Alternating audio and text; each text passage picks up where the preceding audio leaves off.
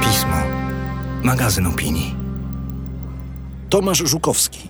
Czy warto zaczepiać Władysława Bartoszewskiego? Czyta Leszek Zduń. Słuchasz tekstu opublikowanego na łamach miesięcznika Pismo, magazyn opinii. Na stronie magazynpismo.pl znajdziesz więcej inspirujących treści, także w wersji audio.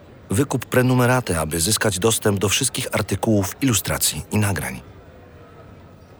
Lęk przed spojrzeniem na przeszłość, tak wyraźny w polskim życiu publicznym, ktoś musi wziąć na siebie, żeby pokazać, że skonfrontowanie się z nim nie prowadzi do katastrofy. Jak mówi o stosunku Polaków do zagłady polska prawica? Naród, koniecznie przez wielkie N, ratował Żydów. Przemoc, jeśli w ogóle można o niej mówić, stanowi zaledwie margines, a na dobrą sprawę należy ją uznać za robotę ludzi, których do narodu nijak zaliczyć się nie da. Wystarczy odwiedzić Muzeum Polaków ratujących Żydów podczas II wojny światowej imienia rodziny Ulmów w Markowej, żeby zobaczyć, jak to działa. Dostajemy obraz wyczyszczony i ocenzurowany. Wystawa po prostu pomija problem przemocy wobec Żydów.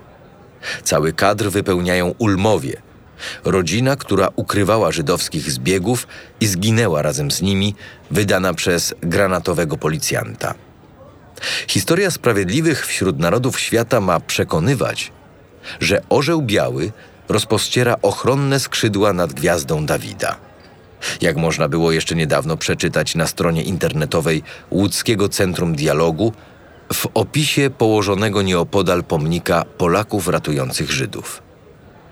Jeśli ktoś mówi, że w stosunku Polaków do Żydów było lub jest coś nie tak, należy go uznać za oszczercę. W fabularyzowanym dokumencie Historia Kowalskich Macieja Pawlickiego i Arkadiusza Gołębiewskiego z 2009 roku rolę czarnego charakteru w opowieści o sprawiedliwych gra niewdzięczny Żyd, który szkaluje Polskę. W finałowej scenie płonie stodoła, gdzie giną Polacy i ich podopieczni. Ta skądinąd prawdziwa historia zadaje kłam innej opowieści, w której płonąca stodoła odegrała istotną rolę. W powstałym w kręgu Mieczysława Moczara filmie Sprawiedliwi Janusza Kidawy i Ryszarda Gontarza z 1968 roku polscy Żydzi, których właśnie wyrzucano z ich kraju, przepraszali przed kamerą za żydowską niewdzięczność wobec narodu, któremu zawdzięczają życie. W tym miejscu zwykle słyszymy, ale to przecież nacjonaliści. Jednak nie tylko. Tuż po pogromie kieleckim w 1946 roku Tygodnik Powszechny w nocie od redakcji przestrzegał. Jasne jest, że tego rodzaju sprowokowana reakcja, choć nie mniej przez to zbrodnicza, jest zjawiskiem odosobnionym i wyjątkowym. Nie wolno wobec tego dopuszczać się zbyt pochopnego i dowolnego generalizowania. Za argument służą sprawiedliwi.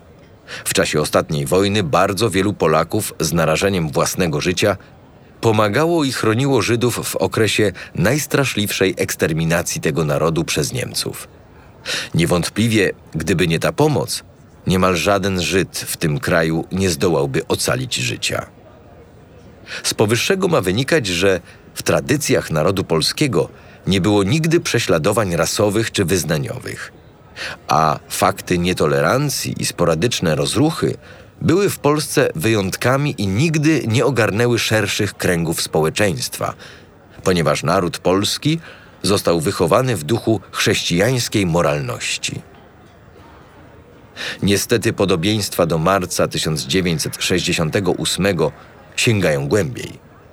Dla polskich Żydów, którzy w 1946 roku obawiali się o życie i masowo uciekali z Polski, przestroga przed pochopnym i dowolnym generalizowaniem była szantażem. Zupełnie jak w filmie Kidawy i Gontarza. Zaliczenie do oszczerców otwierało drogę niczym już niehamowanej agresji, która dla polskiej większości była przy tym w pełni usprawiedliwiona, bo przecież w jej przekonaniu to sami Żydzi zerwali więzy Solidarności.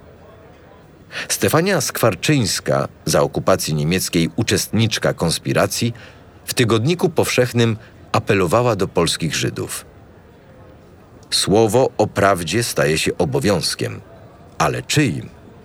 Myślę, że nie tych, którzy wtedy w każdej sekundzie dawali swoje życie za brata swojego, ale że jest to obowiązkiem tego brata.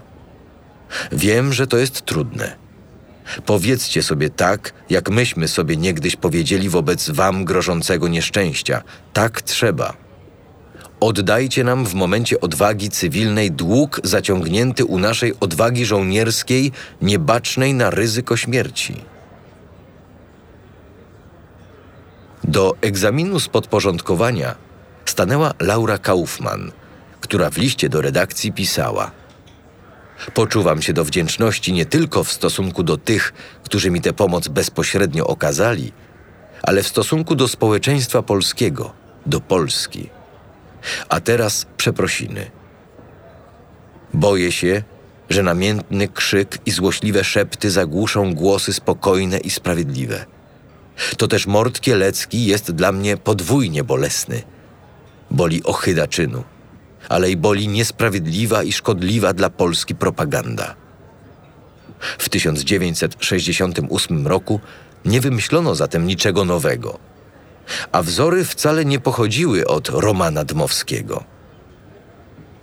Od zakończenia wojny powtarza się ten sam schemat. Od sprawiedliwych przechodzimy do obrazu narodu jako takiego. W świetle badań, którymi dzisiaj dysponujemy, to jest dopiero pochopne i dowolne generalizowanie, bo to sprawiedliwi byli marginesem, nie szmalcownicy.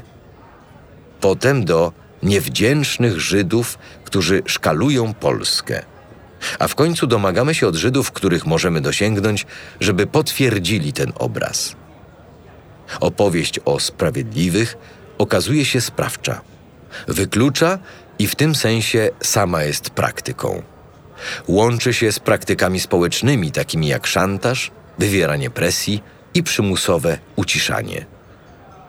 Model ten należy uznać za wzór kultury, w którym jesteśmy zanurzeni bez względu na polityczne podziały. Jeden z jego wariantów znajdujemy u Władysława Bartoszewskiego, najpierw w zamieszczonym w 1963 roku na łamach Tygodnika Powszechnego apelu o nadsyłanie wspomnień o doświadczeniach i przeżyciach związanych z różnymi formami pomocy niesionej Żydom przez Polaków w okresie okupacji, a potem we wstępie do słynnej książki Ten jest z ojczyzny mojej. Reakcje na tego typu diagnozę są łatwe do przewidzenia.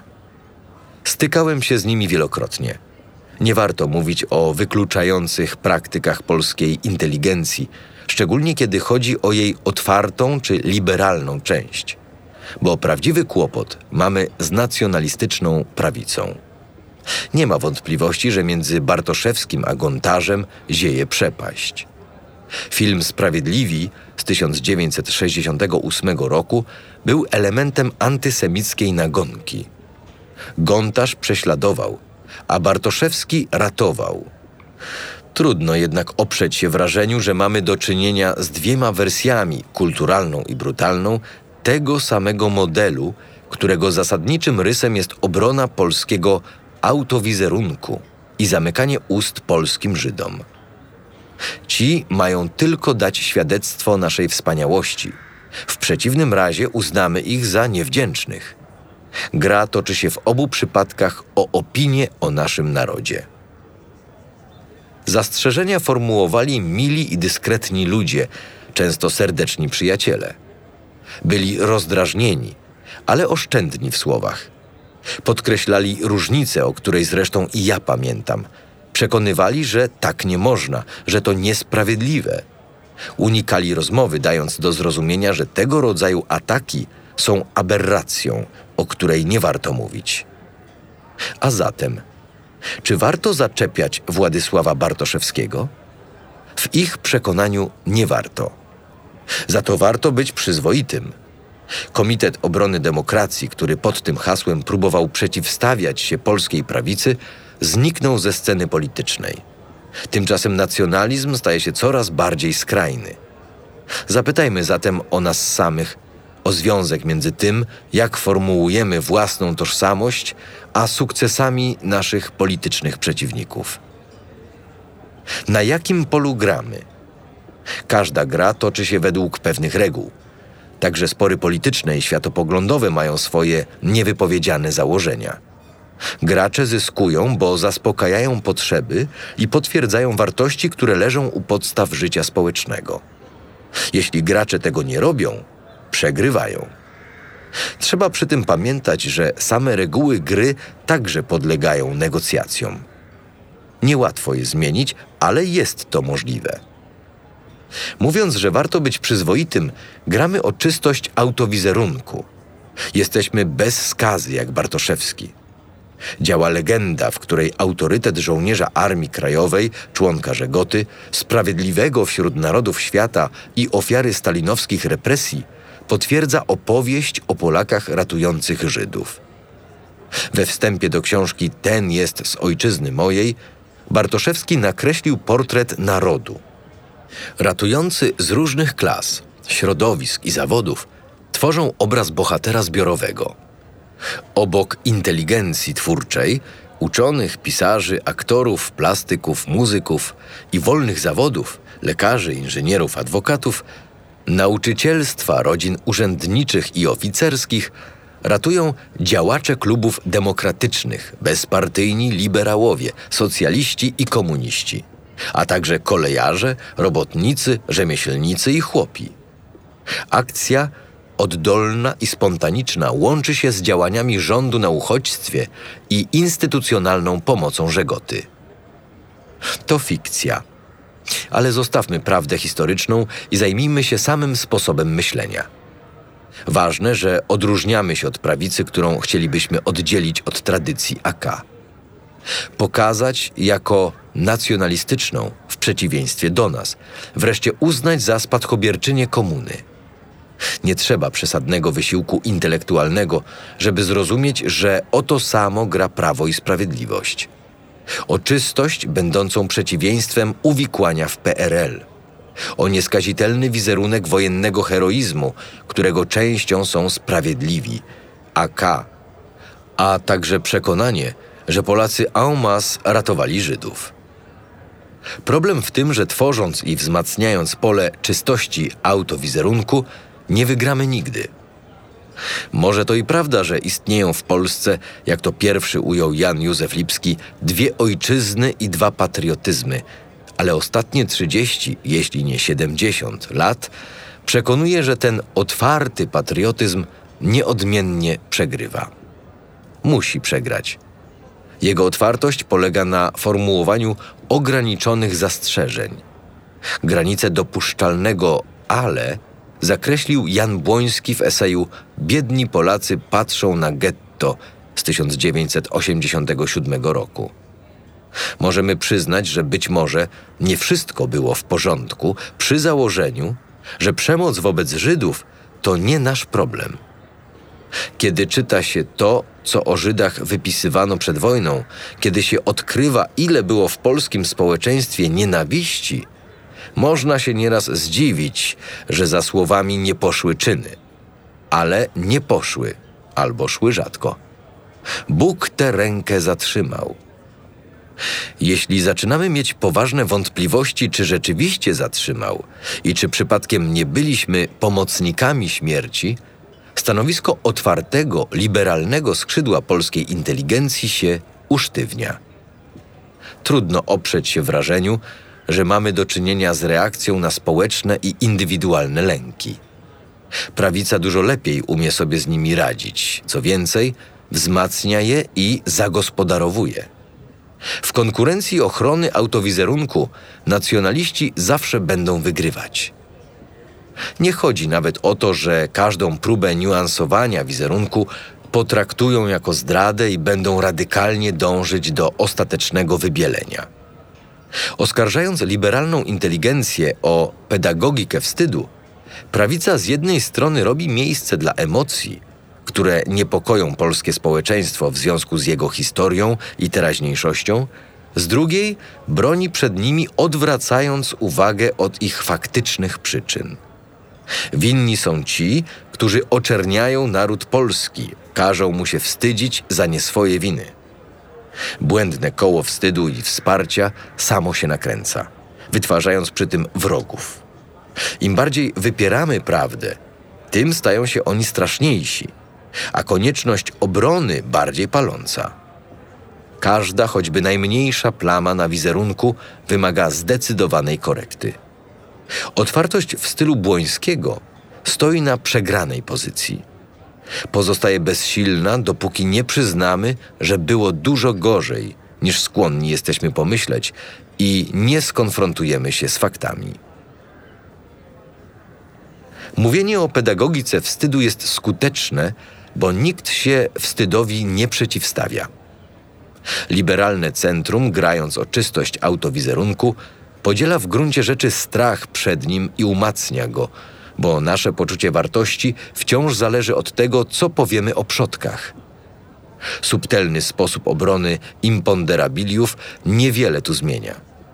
Sięgamy po te same symbole, licytując się tylko do kogo one należą.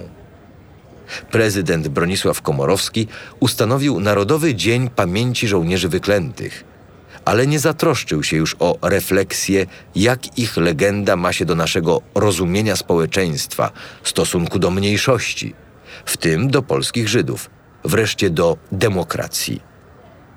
Tymczasem milczące założenia fundujące mity, na których budujemy tożsamość, pozostają w mocy tak jak sama struktura odniesienia do przeszłości. Pozostajemy zależni od dziedzictwa i mamy poczucie własnej wartości, bo stoi za nami nieskalana ojcowska postać.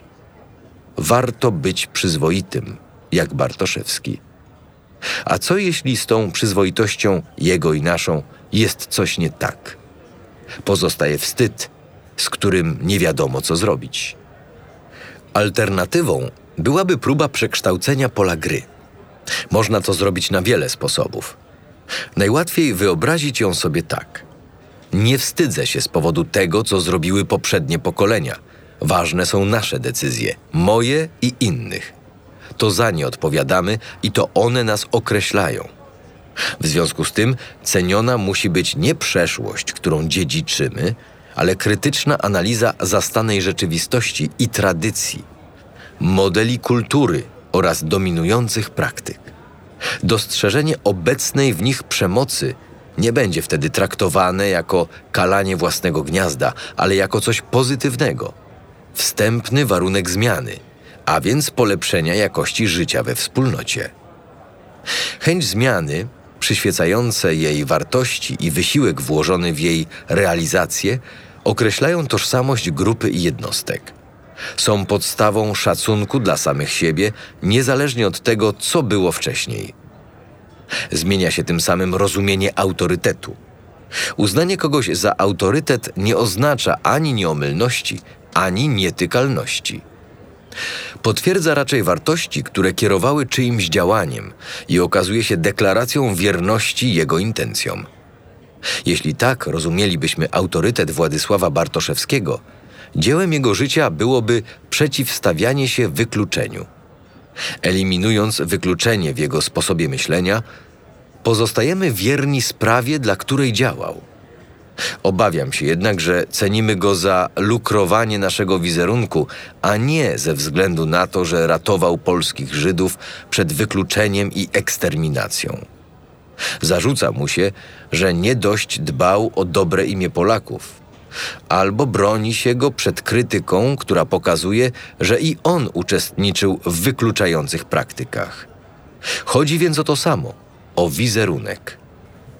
Jeśli ważna jest zmiana, krytycznego powrotu do postaci Bartoszewskiego nie należy traktować jako oskarżenia, ale jako akt samoświadomości jako propozycję porzucenia gry o obraz samych siebie i rozpoczęcia starań o możliwość autonomicznego wyboru, którego warunkiem jest rozpoznanie rzeczywistości, w której żyjemy.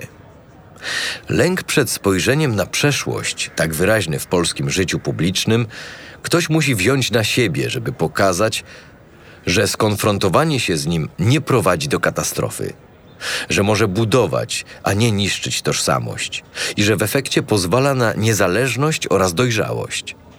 Nie da się tego zrobić bez samoświadomości. Uciekanie przed konfrontacją umacnia tylko lęki.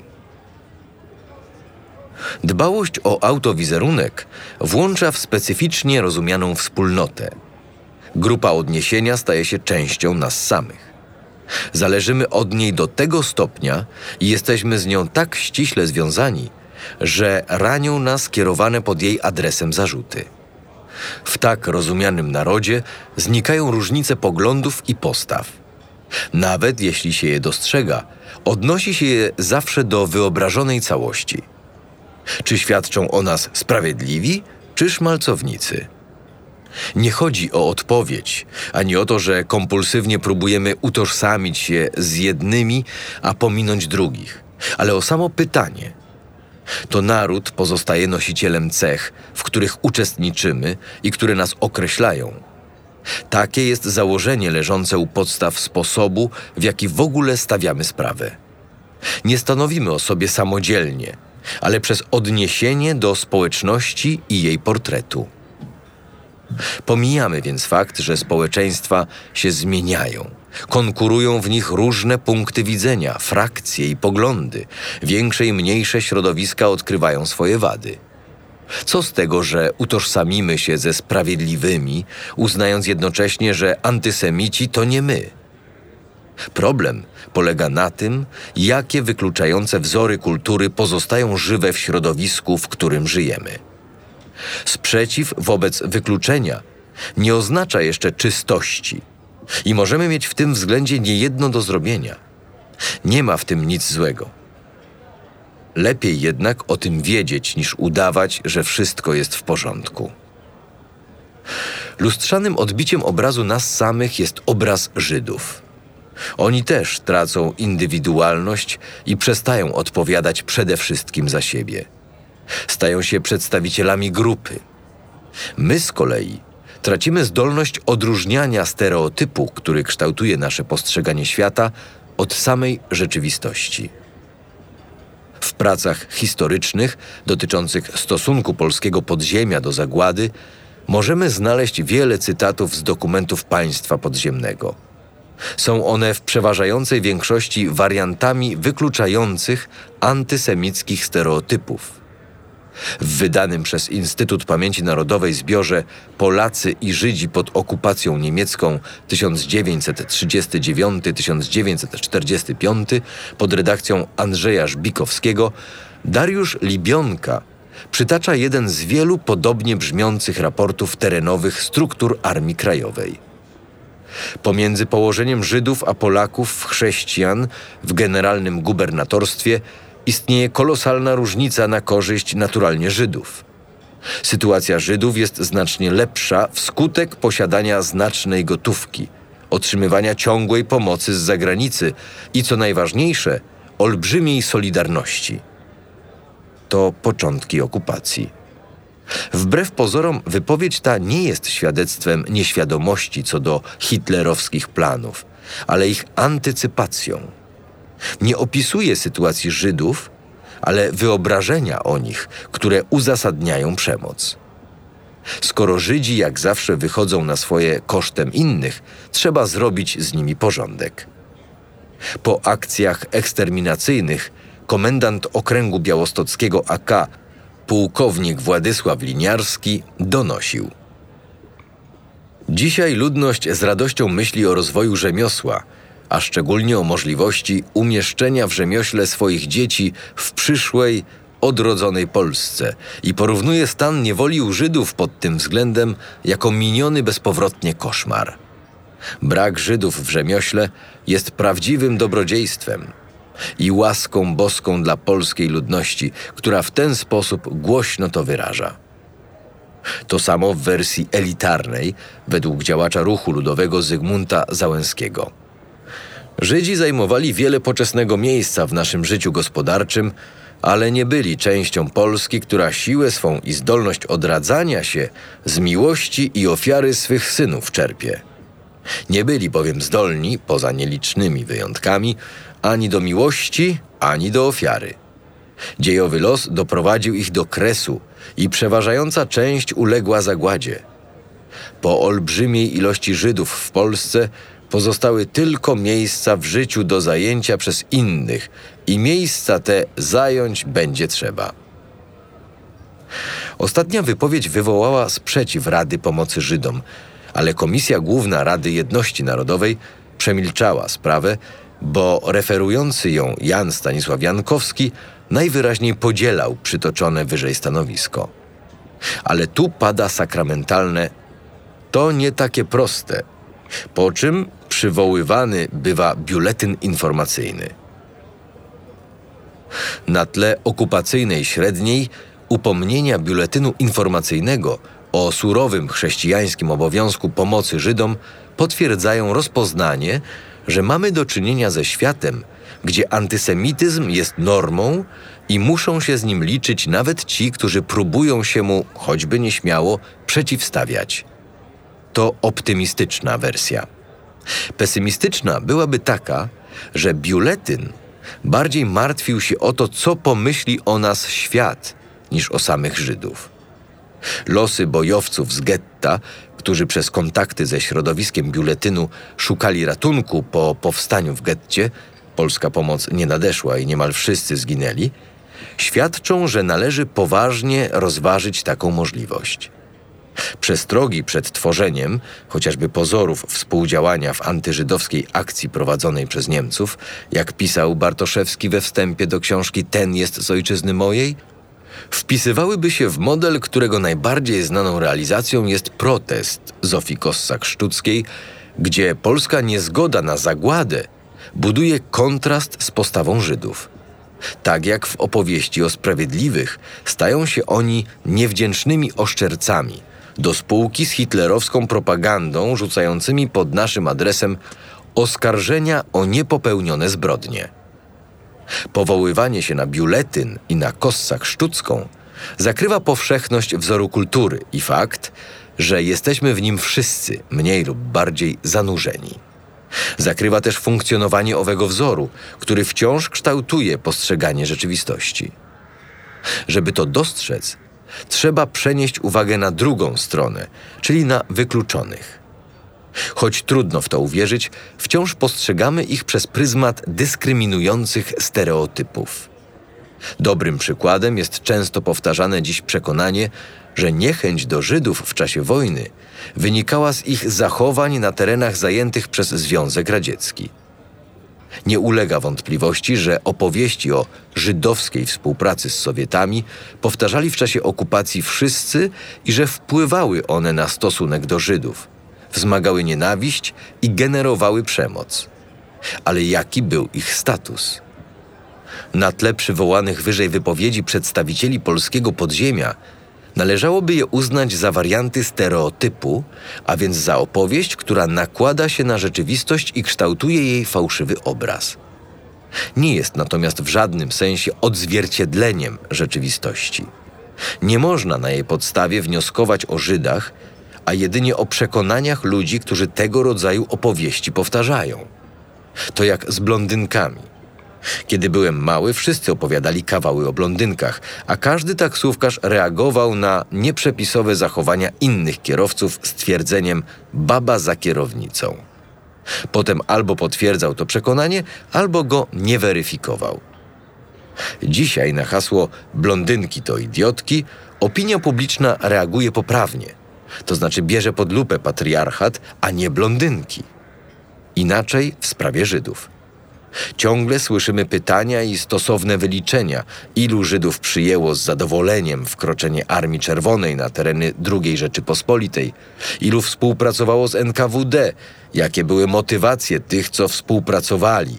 To wersja otwarta i nastawiona na zrozumienie innego – czy ustalone w ten sposób liczby uprawniają do mówienia o Żydach jako takich? Czy usprawiedliwiają polskie reakcje i tak w nieskończoność? Autorzy tych rozważań powinni zbadać inteligencję blondynek. Gdyby rzeczywiście znalazły się wśród nich idiotki, należałoby powiedzieć, że patriarchalne przesądy miały przecież podstawy w rzeczywistości. Mity o własnej grupie odniesienia i o wykluczonych oraz prześlepianie samego wykluczenia idą ze sobą w parze. Może pora wreszcie się w tym zorientować. Esej ukazał się w 22 numerze miesięcznika Pismo, magazyn opinii. Czytał Leszek Zduń.